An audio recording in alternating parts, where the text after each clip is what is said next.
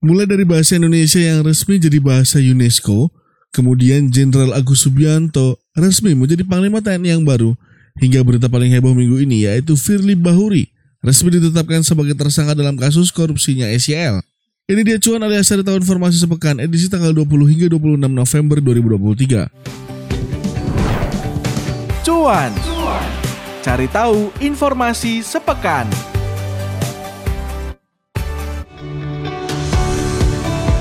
Berita pertama, bahasa Indonesia ditetapkan sebagai bahasa resmi atau Official Language Konferensi Umum UNESCO.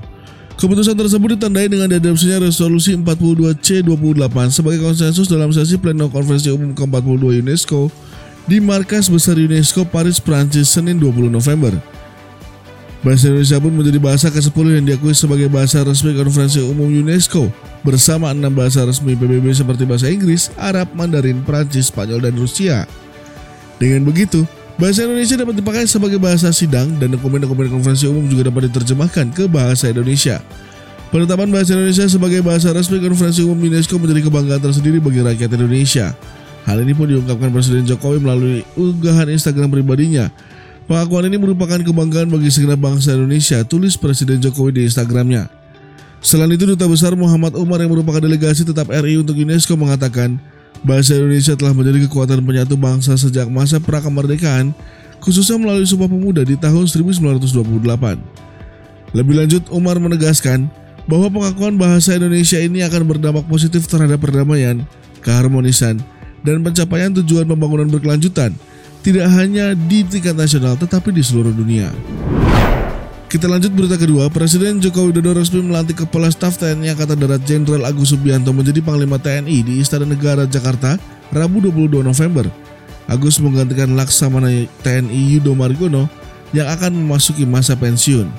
Pelantikan pemimpin tiga matra TNI ini dilakukan usai DPR RI memutuskan Agus Subianto lolos uji kelayakan dan kepatutan atau fit and proper test sebagai Panglima TNI dalam rapat paripurna Selasa 21 November.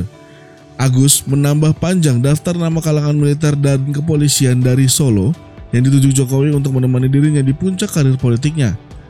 Sebelum menjadi Panglima TNI, Agus Subianto pernah menjabat sebagai Komandan Kodim 0735 Surakarta 2009 hingga 2011 saat Jokowi menjabat sebagai Wali Kota Solo. Dengan pangkat Brigadir Jenderal, Agus juga pernah menjabat sebagai Danrem Surya Kencana Bogor pada 2020. Istana Negara Bogor tempat Jokowi berkantor masuk menjadi wilayah tanggung jawabnya Kemudian Agus mengomandoi pasukan pengamanan presiden atau Pas Pampres pada periode 2020 hingga 2021. Usai menjabat sebagai Dan Pas Pampres, dia ditunjuk menjadi Pangdam 3 Siliwangi pada Agustus 2021. Dia kemudian menduduki wakil jabatan Kepala Staf Angkatan Darat pada awal 2022 hingga akhirnya Agus dilantik sebagai Kepala Staf Angkatan Darat pada Oktober 2023. Berdasarkan laporan harta kekayaan pejabat negara atau LHKPN KPK Harta kekayaan Agus sebesar 19,3 miliar rupiah per 31 Maret 2023. Dia memiliki harta kekayaan dalam berupa tanah dan bangunan dengan total 16 miliar rupiah. Berita terakhir atau berita ketiga, Polda Metro Jaya resmi menetapkan Ketua Komisi Pemberantasan Korupsi Firly Bahuri sebagai tersangka kasus pemerasan di lingkungan Kementerian Pertanian Rabu 22 November. Direktur Reskrimsus Polda Metro Jaya Ade Safri Simanjuntak menyampaikan penetapan tersangka dilakukan usai menggelar perkara kasus pada Rabu 22 November.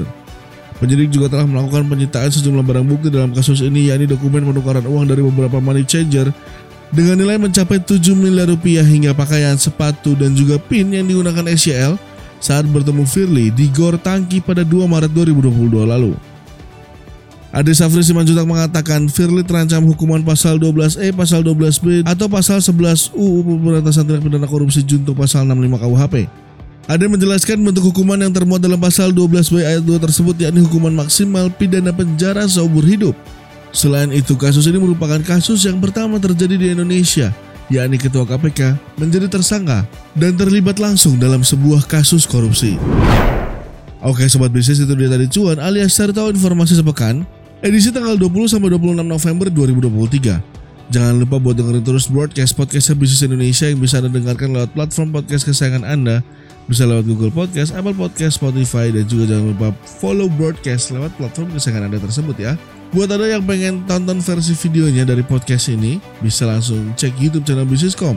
Selain podcast, di sana juga ada video-video menarik lainnya yang bisa Anda tonton dan Anda nikmati dan juga jangan lupa buat subscribe YouTube channel Bisniscom. Saya Ganang Adrian, see ya!